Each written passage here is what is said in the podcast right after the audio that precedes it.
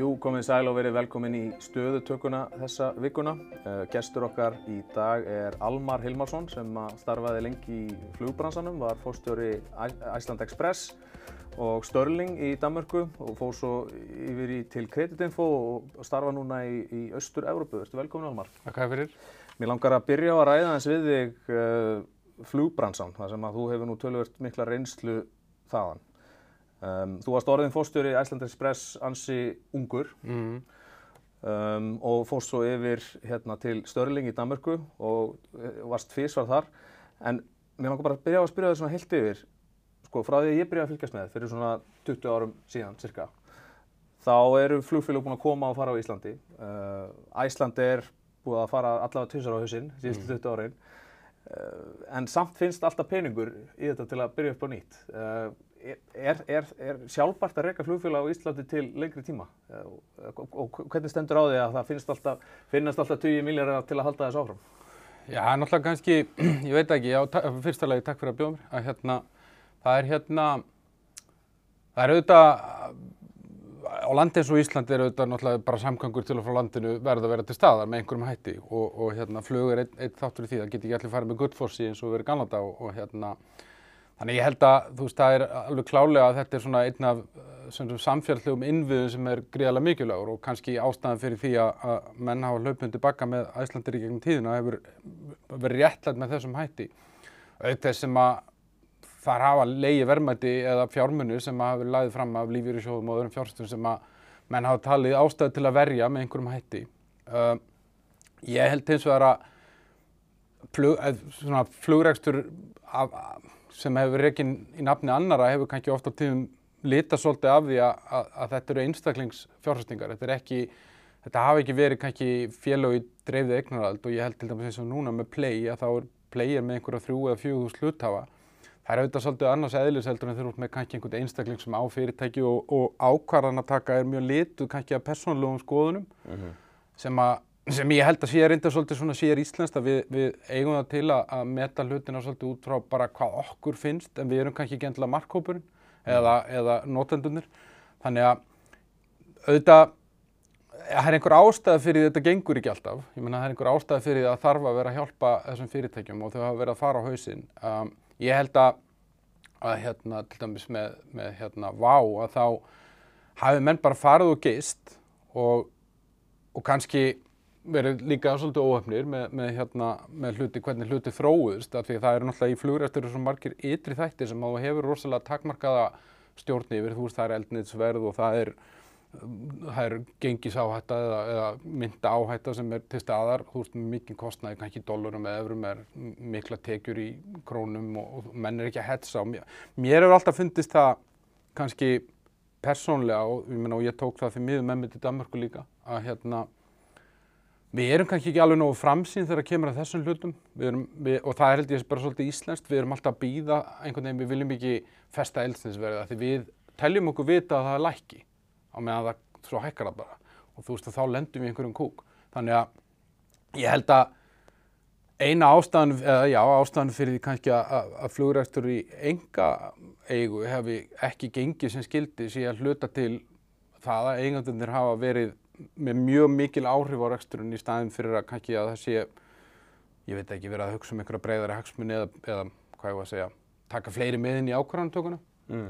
Um, og, og þessi íslenska pælinga að einhvern veginn ekki að kaupa gjaldinsvarnir, ekki að kaupa elstinsvarnir og þá þegar kemur vond ár eða já, einhver aðstæðu skapa sem að eru vondar að þá eru menn svolítið berskjaldadur. Varandi það sem er í gangi núna, ég held þess að þegar ég horfa á þetta og ég meina ég er náttúrulega ekki, þú veist, ég horfa bara á þetta utanfrá en það sem ég horfa á er að auðvitað Æslandi hefur mínum að þið gert margt jákvæmt í þessum rekstur og ég meina, má ekki gleyma því að þeir eru búin að vera byggja upp í einhver fleiri 20 ára, 60, 70, 80 ár leiðakerfi, sölukerfi uh, vörumerki og svo framvegis og framvegis. Og, og þeir hafa, mér finnst þeir hafa svona móturinsera félagið tölvert á, á síðustu árum. Og ég held að Æsland er í dag sé betra fyrirtæki heldur en Ásland ára fyrir kannski tíu árum. um, hins vegar er rosalega erfitt og ég þekki það bara sjálfur að því ég fór inn í Sterling sem var sko margra ára gamalt fyrirtæki, þú veist, það búið að vera til í 40 árið eitthvað er ég kom það er rosalega erfitt að breyta svona fyrirtækjum ofanfrá. Það er að segja að þú, þú ert komið með eitthvað, þú ert komið með eitthvað grunn af kerfum, þú ert komið með flugvélar, þú ert með starfsfólk, þú ert með kjærasamninga og alls konar hluti sem er ekkit auðvöld að reyfa við. En það er það sem þú hefur svolítið að vinna með. Þú getur ekkit unnið endilega mikið með, eins og ég segi, verðu á markanum, það ræðist að sænkjöfninni. Þú getur ekkit unnið mikið með elsnitsfið, það ræðist að frambúða eftirspiln og elsniti eða, eða einhverjum sveiflum á markaði sem þú hefur ekki stjórn á. Þannig að ég hefði, eða, þú veist, mér hefur aldrei fundist, þegar ég horf á Æslandi er bara shit, ég myndi ekki endilega vera að gera þetta af því að þú veist, þetta er bara, það er rosalega erfitt að breyta hlutunum ofanfrá. Og ég kom inn í Sterling, við vorum, hafa leiguflugfélag sem var að selja sko ferðið til spánar, fólk var að fá máltíður um borð og svona og svo kom við inn og sem hér þetta á low cost, skilur, þú veist að fara að kaupa matin, þá bæðir við að taka vörumerkið og gera eitthvað úr því sem að það stendur ekki endilega fyrir á markanum og hins vegar að fara að kenna sko 2000 starfsmönnum að gera hlutin einhvern veginn öðru sí mm. sem er mjög erfið. Meðan að ég horfi, þannig að, þessi staða sem Æslandir hefur verið að vinna þessu út úr hún er, eða er reyna að komast á þann stað því að þessi heimur hefur breyst. Það er orðið meira fram på ódurflugi, það eru er sangpjæðinsalar sem eru að keira á öðru mótili og fólk er að fara að meta flugur þessi, þetta er ekki einhver aðtöfn. Mm. Meðan að Play er að koma inn, kannski byrjast vera á háréttum tíma, þeir koma inn þegar leiguverð á vélum er að lækka verulega uh, og þeir eru að gera mjög hagstaða, ef, ég get lesið í það sem ég hef séð, mjög hagstaða leigusanninga á flugvélum og þeir eru kannski að taka á loft þegar að bransin er svolítið að fara á stað aftur eftir COVID. Þannig að ég er mjög bjastýtt fyrir þeirra hönd með að við, ef ég, sko, ef ég berða svo saman við sko Vá og Æsland Express jafnvel sko. Uh, og svo eru þeir til dreifðir eignarvald. Já, bara til þess að fara betur við það, hver, ef þú tekur þessi þrjú, uh, þrjú félög, Iceland Express, Wow Air mm. og Play, hvað, hvað er það sem að, aðgerinn, hvað er ólíkt með þessum þremur? Og, hérna, hvern, hvernig myndur þú segist fyrir að með hann Play, mm. uh, hvað er það sem er ólíkt við Play, með fullur vinningu auðvitað, með að við, eina, eina, tvo fyrirrennina, ef ég, ef ég orða það þannig, sem, sem samkjöfnisæðali Æslandir? Ég held að náttúrulega fyrsta lagi dreifðegnarald hafi jáka áhrif í þessum bransa út af því að þá er þetta ekki þannig að ákvarðan taka sér á einu stað því á einum einstaklingi uh, með fullur vinningu fyrir þeim einstakling sem hafa verið í þessu að þá bara held ég að það sé betra að, að þú getur ekki í svona félagi sem er skráða markaði bara verið að láta einhverja persónulega skoðanir á hvað er skemmtilega áfangastæður eða hvað eru flotta flugvílar. Þú þarf svolítið að leggja öllítið meiri vinnu í, í útreikning og annað og, og þú ert kannski ekki alltaf með bjarsinskleru og náðs þú getur kannski leftur að þetta eru þínu peningar. Þú veist ef ef ef ég á flugfélag og ég tekar ánga ákveðin þá er ég að fara að borga fyrir það. En hins vegar ef að félag er dreifðu eignarhald þá, þá þarf, er verið að vinna fyrir hagsmunni hlutafa sem eru bara fólk út í bæ. Þannig að ég held að gæðin í öllu allir forvinu, allir greiningu og allir ákvarðantöku séu miklu herri þegar, það eru aðstæðunar um, auðvitað sko, og í mínum huga er það stæðstu hlutin. Ég meina, Æsland Espresso svolítið sér á parti að, ég meina, það var ákveð brautriðendastar sem voru unni þar og, og menn voru að brjóta niður einokun að marka eða komin að marka með eitthvað sem það bara aldrei verið til áður. Og, en ég meina, þú veist, þegar ég kem þar inn, skilur þú veist, þá eru við með eldgamla flugvélar, þú veist, við erum í einhverju svona hybrid mótil, vorum að lega flugvélarnar með flugmönnum og vorum svo með flugfröðunar sjálfur Þannig að þú veist, það voru alls konar svona einhver friksjón í businessnum þar sem að var erfitt eða við vorum, vorum ekki með hérna uh, ferðarskristuðu leifi og þú veist, og það voru að, þetta var bara svona amatöris, skilur, en kannski bara var það sem þurfti á þeim tíma og mér fannst Æslanderspress aldrei komast almennilega út úr því, mm. einhvern veginn og korki ímyndarlega síðan ég rekstralega síðan að vera bara svona svolítið start-up eitthvað lítið uh, wild fyrirtæki Vá þekk ég nú kannski minna en, en svona horfandaðu utanfrá þá fannst mér, þú veist, það var bara svo mikið sláttur á fólki, þú veist, það bara átti svolítið að, að, hérna, að sigra heiminn og það er er ekkit sjálfgefið að, að fólk sem hefur verið á peninga komi inn í þennan bransa sem er búin að vera til í fleiri fyrir ár og geti gert einhver kraftauk sem einhverjum öðrum hefur tekist. Þannig ég veit ekki, þú veist, kannski, já, ég held að hérna ágerðu marga góða hluti en svo held ég bara að hafi svona svolítið farið fram á sjálfu sig sko. Mm -hmm. og, og ég auðvitað, þú veist, að vola auðvitað að sita utan við þetta og, og, og segja hvað er rétt og hvað er ránt. Ég menna auðvitað töldum menn sem verið að taka réttar ákvarðanir á, á sín tíma. Mér sýnist svona með við það sem ég er að horfa á, þá sýnist mér play verið að koma inn á, eins og ég segja, á læri verðum á flugvélum um, þeir eru að koma, þeir eru að byrja á háréttum tíma, það er að segja að það er að aukast aftur ferðartíðnin og þetta er þessi dreifða eignarald og hún hefur bara hún hefur svo rosalega mikið að segja þetta er ekki bara sá sem á peningin að ringi fórstjórn og segja mm. byrjum, byrjum að fljúa til færi skilur mm. veist, mm. Það, það, bara, þetta er algjör game changer þegar þú þert að fara að taka professional ákvarðanir mm. En ef við horfum á íslensku flugfélagin og, og hver er samkeppnin ef við erum ekki endilega að horfa á það að þau eru að keppa við hvort annað félagin sem er að fljúa til landsins Wizz Air, EasyJet, Transavia mm. öll þessi mm. þarna, sko, kostnæðarbasið þeirra með tilliti til launakostnæðar er náttúrulega bara allt annar Já, Íslensk laun náttúrulega mjög há, þetta eru sennilega launahæstu, við tökum bara til dæmis flugfræður eða þeir sem að starfa í farþæðaríminu, sennilega hæstu laun í heimi, ekkert langt frá því, að mm. play kannski, kannski sleppur aðeins betur þar. Getur þetta staðist alþjóðlega samkefni til, til lengri tíma? Já og nei, ég meina, ég held að, að hérna, veist, þetta er alltaf þessi höfuverkur, ég meina ég var að kljástu þetta í Danmörku líka, maður var að reyna að skýra þetta út fyrir fólki, þú veist að við vorum að fljúa kannski okkur að 50 áfangastæðu og af 48 að þeim var bein samkeppni og jáfnveil frá, eins og þú segir, frá EasyJet eða Ryanair eða einhverju sem voru miklu, miklu, miklu læri kostnagrunn. Uh, ég held að það sem að kannski gerir, ef að væri þannig að bara að vissir væri með nákvæmlega sama leiða, leiðakerfi og, og, og play eða Æslandir og væri að fljúa alla þessu sumu staði þá held ég að það gengi ekki. En það gengur held ég að því að þessi samkeppni er svolítið svona sundruð. Þannig að það er ekki þannig að það siti einhver í, í, í viss og að sé að pæla rosalega mikið í Íslandi eða, eða áframflýði frá Íslandi svolítið í bandaríkjana. Þannig ég held að, að, að það gerir það verkum að kannski þú ert að kljást við marga aðila og það er ekki einhver einn að horfa í að reyna að drepa þig. Mm það hef, veist, mér, mér fannst það þegar ég var í stelling, mér fannst það til þess að við vorum að berjast einhverjum ítalsflugfélag sem voru að fljúa til Danmarkur. Af því að þeir voru ekki í Danmarku, þeir voru ekki að fókusa á sama marka á mig, þá svona, veist, fannst mér þeir aldrei kannski, jújú, þeir gáttu haft áhrif á verði kannski, en þeir voru ekki endilega alveg í sama pakkanum við.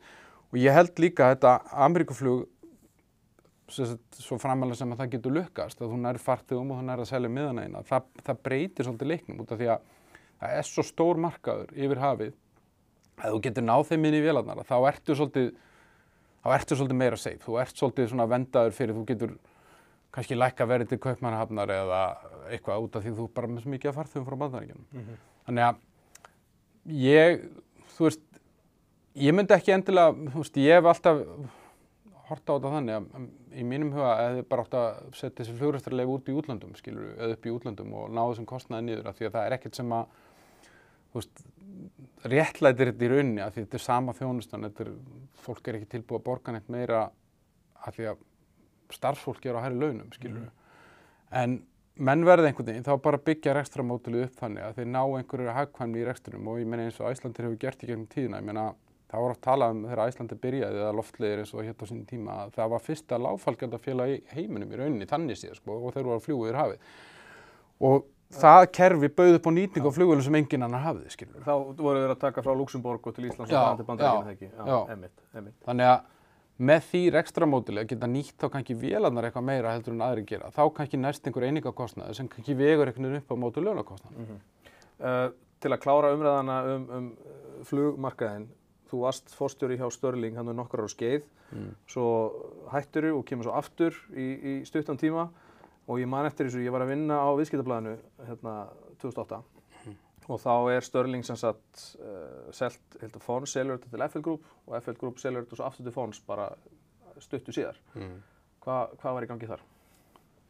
Ég held að það voru bara þá svona ólíkar áherslur um, um hérna, ég held að menn, þú veist, menn höfðu alveg miklar hugmyndur um, um þennan flugrestur og ætluðu sér að nota held í Sterling til þess að stekka og að gera eitthvað meira. Þú veist, það var, ég heyrði einhvern tíma að tala um að kaupa stærri hluti í EasyJet og samina þessi fyrirtæki og, og svo framvist. Þannig ég held að svona markmiðin hann í uppa að vera mjög svona stórhuga. Já, þannig að FL Group átti þarna stórhuga í EasyJet, þeir kaupa Sterling. Já, og, og þa þannig ég held að það var svolítið pælingin. Já. Svo, þú veist, sá ég það þarna 2007 þegar þá sá maður svona aðeins fyrir að draga draga saman í eftirspurn og annað og, og, og kannski horfurna voru ekkert rosalega góðar þá held ég að svona FL Group og FL Group auðvitað þá á þeim tíma vantanlega að horfa fram á sambarilega, eða skilur ekki, ekki neitt rosalega bjartar horfur í öðrum fjárstyrnum sem þeir voru í. Þá hafi þetta svolítið verið þannig að menn voru ósamálað, það er að segja Fons átti, minni mig, einhvern hlut í Stelling þá eða hvort þeir áttu saman þetta Northern Travel Holding sem var eignarhalsfélagi sem átti yfir Stelling að þá hafi þetta svolítið verið þannig að Pálmi, taldi, Pálmi Haraldsson taldi sig eða, hafði ennþá trú á því að vera í flugræstri og meðan að hini vildi kannski svolítið fara út og þá var bara leiðin svo að hann kifti af þeim reksturinn. Mm -hmm. um, ég held að bakvið það hafi ekkert verið annað en bara það að þú veist að FL Group var með eigna í sín eignasöfni sem þeir eru ekki trú á eða töldu geti farið verð og meðan að hann hafði ennþá óbyrjandi trú á, á rekstrinum eða við getum gert betri rekstur úr þessu. Mm -hmm. Þannig að hérna, þetta hafði svo sem ekki neinn stórkostlega áhrif á mig þannig séð skilur ég minna eða rekstralega eða neitt svolítið því að það að vera partur á FL Group var ekkert, það vann korkja mót okkur niður hjálpa okkur, eða skilur þú veist að kom í sjálf og sér ekkert endilega mikið þaðan annað en bara þú veist fínir görður í stjórnina og, mm -hmm. og, og svoleiðið sko. Þannig að já það var bara veist, menn áttu einhverju eignarnar sem þeir eru ekki trú á, menn að það var einhvers sem var til í að kaupa það sem mm. hafði trú á því, skiljur. Akkurat. Og hérna, einhver þarf að vera með svartabittur, sko. Við, uh, við ætlum að taka stutt auglýsingar hljóð núna og koma aftur að vörum með spóri.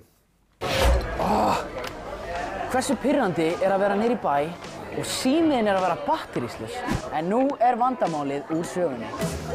Þú opnar Buzz appið og skannar stöðina til þess að leiða hlæðslubanka og setur síman í samband. Þetta gæti ekki verið einfaldara. Þú getur hlaðið síman á ferðinni með Buzz. Nei, sælir. Svo skilar honum bara í hvaða Buzz hlæðslustöð sem er.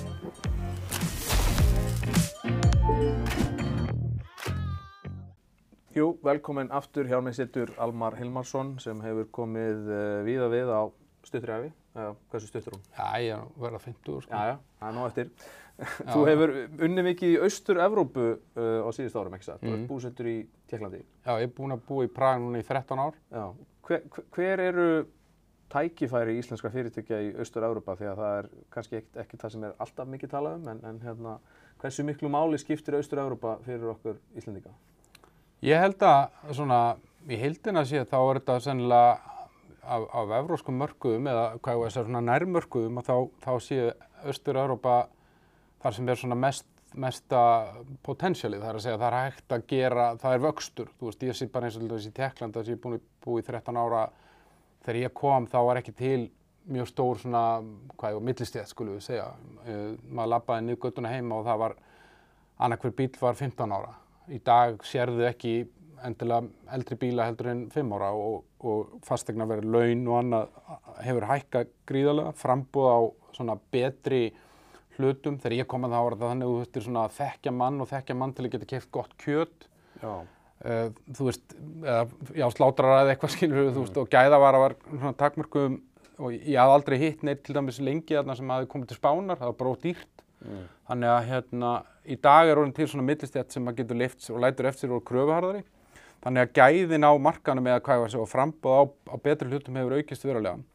Það er eins og það er ennþá rosalega tækifæri að taka af því það er náttúrulega, þú veist, það er rosalega mikið af fólki í business sem er aðleið upp í kommunisma, tekur allar svona mentun út úr kommunismakerfi og, er, og komst bara einhvern veginn inn í business, kefti eitthvað eða sett eitthvað upp og er ennþá bara svolítið þar.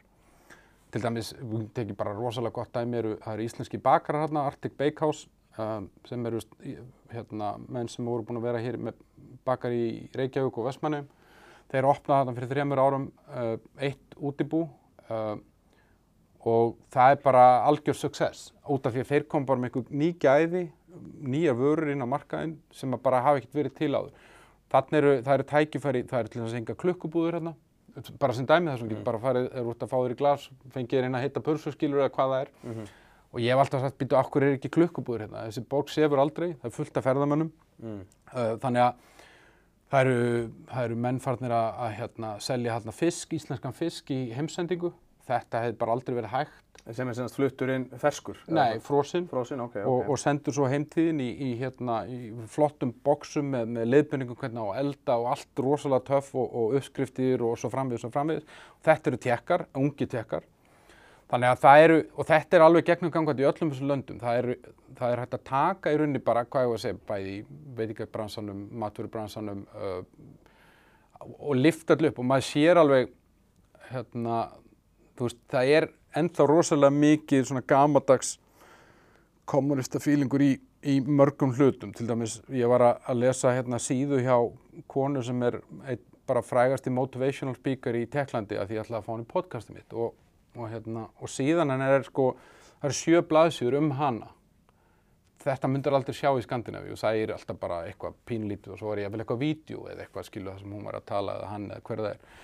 Þannig að það, veist, það, það er svona facelift skulum við segja á rosalega mörgum hlutum sem getur gert það að verkum og þú eru bara allt í hennu flotta og cool fyrirtæki á markanum sem er engin annar að gera. Þannig að Og auðvitað er þá líka, þú veist, tækifæri í útflutningi á vörum, ég meina, til dæmis eins og fyrir Íslendinga, ég meina, þegar maður segist vera frá Íslandi í Praga, það er bara, maður er bara, vá, heyrðu, þetta er bara eitthvað guð, sko, og kona mín er ungversk og það hefur nú alltaf þórt frekar exotísk, sko, mm -hmm. þannig að oft spyr fólk okkur hérna, hvaðan eru þið, já, ég er ungversk og svo, já, en þú, í Íslandi? Og það bara, þau gleyma henni, mm -hmm. hún er ekkert spennandi lengur, sko, já, já, þannig að það er rosalega tækifæri að koma í Ísland fyrir að lýsi, hérna, salt uh, og, og, já, og, bara, og fleira sem hægt er að fara með, alla þessar snirtuvöru sem við erum með og svo framvegis og framvegis, sem við vorum að tala um hérna áður en við byrjum að taka upp, alla þessar hérna, líftækni vöru. Þannig að það er rosalega tækifæri í bæði að koma bara og gera betur heldur en við erum að gera, en samanskapa þá komum íslensku vöru, því Ísland er bara, þeir elska það. Já. Þannig að þetta er ekki eins og maður þegar maður hugsaður um lönd sem eru kannski nokkur um árum eftir Íslandi, ekkert það mörgum mm. samt, svona í efnaðarstróðun.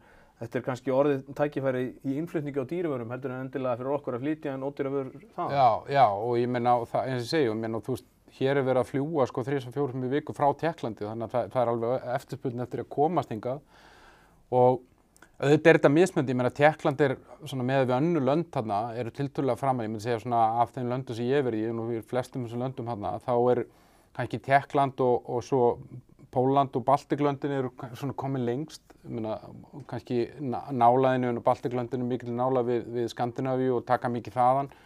Pólverðin er náttúrulega með Þýskaland við hliðina og tekkandi svo þarna á milli Östuríkis og Þýskalands og, og, og með Ítalíu fyrir sunnan þannig að þeir eru kannski komin aðeins lengra. Uh, en í, í, í Hínulöndunum, ég menna það eru eins og til dæmis bara í Rúmeníu og Búlgari, það er alveg rosalega mikið frambóð að hámentuðu fólki til þess í tæknibransanum um, tölvu fólk í forröndunum það er tildulega lár launakostnaður ennþá um, og það er, það er ódýrt að komast í leigu og annað. Þannig að þú veist, það liggja alveg að þú er alveg hægt að fara og vera með útibú ef, ef þú treystið til að reka útibú og stjórna því og þannig að þú fáur út úr því afkvöstin og, og, og gæðin sem þú þart þá, það er alveg klálega að tækifæri í, í svoleiðis og, og hérna, þessi lönd eiga svo mikið inni ennþá, veist, það er ennþá það er ennþá svo mikill vöxtur og það er, og það er svo mikill vilji í, fólkinu til þess að öðlast eitthvað meira eða gera eitthvað meira eða búa mm. eitthvað til. Og ég menn eins og í Tjekklandi, er bara startup-sina sem var ekkert. Þegar, þegar ég byrjaði að vinna fyrir Kredinfo þá voru við bara með 140 starfsmenn í Prag og, og hérna, það var bara ekkert mikið að tölvu störfum. En svo eru menn búin að vera koma þarna inn með, með stór fyrirtæki, Barclays og fleiri eru búin að setja upp svona IT centers og út úr þessu hefur síðan myndast einhver startup sem er bara mm. mjög vaksandi. Hver er, hver er hérna svona menningar uh, munurinn, við berum bara saman Ísland og Tjekkland eða Póland eða Rúmeníu, hvernig að stunda viðskipti, hvernig er svona menningamunurinn á milli þess sem við þekkjum hérna heima og, og hérna östu frá?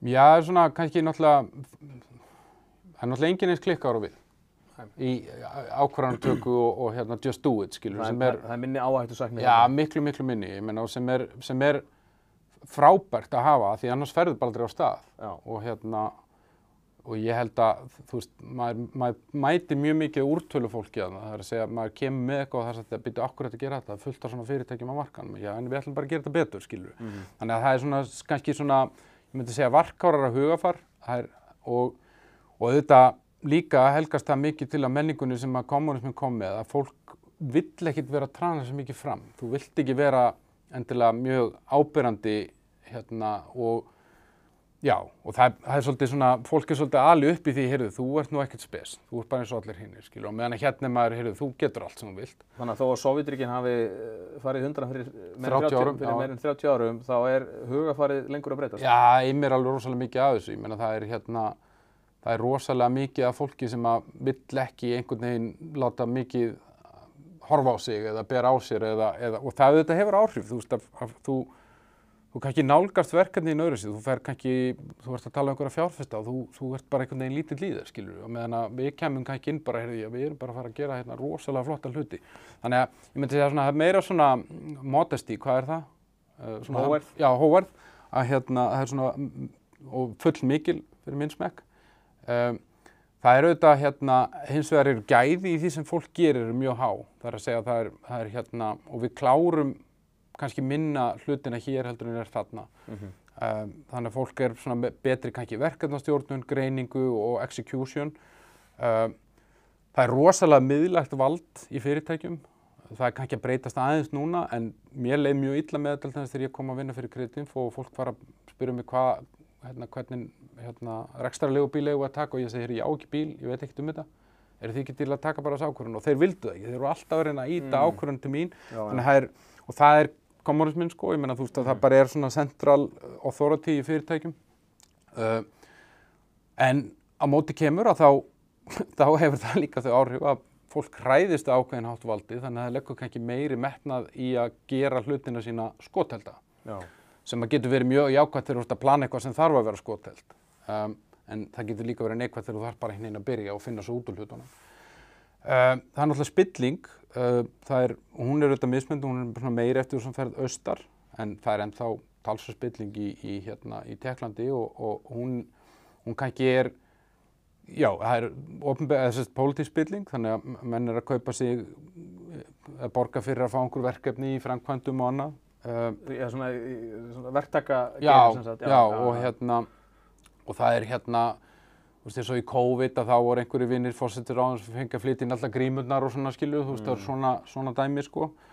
Um, en spilling í svona á, á lægri stegum, hún er alveg til staða líka í heilbriðseftilitinu og, og svoleiðis að þú þart svolítið að kaupa eða þú ert kannski að kaupa þig fram fyrir röðin að þú kemur sko þú ert að opna hérna veitingastað eða vestlun eða eitthvað og þú ert að fá einhver úttekt sko og í staðin fyrir að þú býðir í þrjá mánuði eða sex mánuði eftir að einhver kom á staðin að þá laumaru konfittkassa með kannski tíu skalli í, uh, hérna, í ákvæmslukonuna skilur og það passar hún að umsóknin þín fara eftir bunkan. Það er voða mikið svoleiðis eins og sem að ég held að við, við skiljum ekkert svona.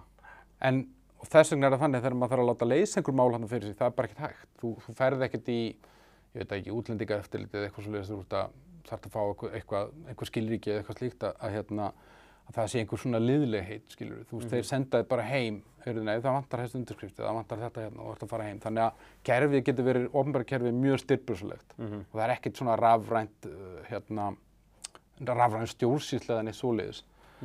En það líka helgast af því að fólk er á móti því að vera með ofnbæra kerfið mjög, hérna, hvað ég var að segja, svona gagna, vil, vil ekki láta safna gögnum um sig. Akkurat, akkurat, vill bara frekar fá að hafa þetta í friði og Já. já, já, já, eru hrætti við svona ofnbært eftirlit sko.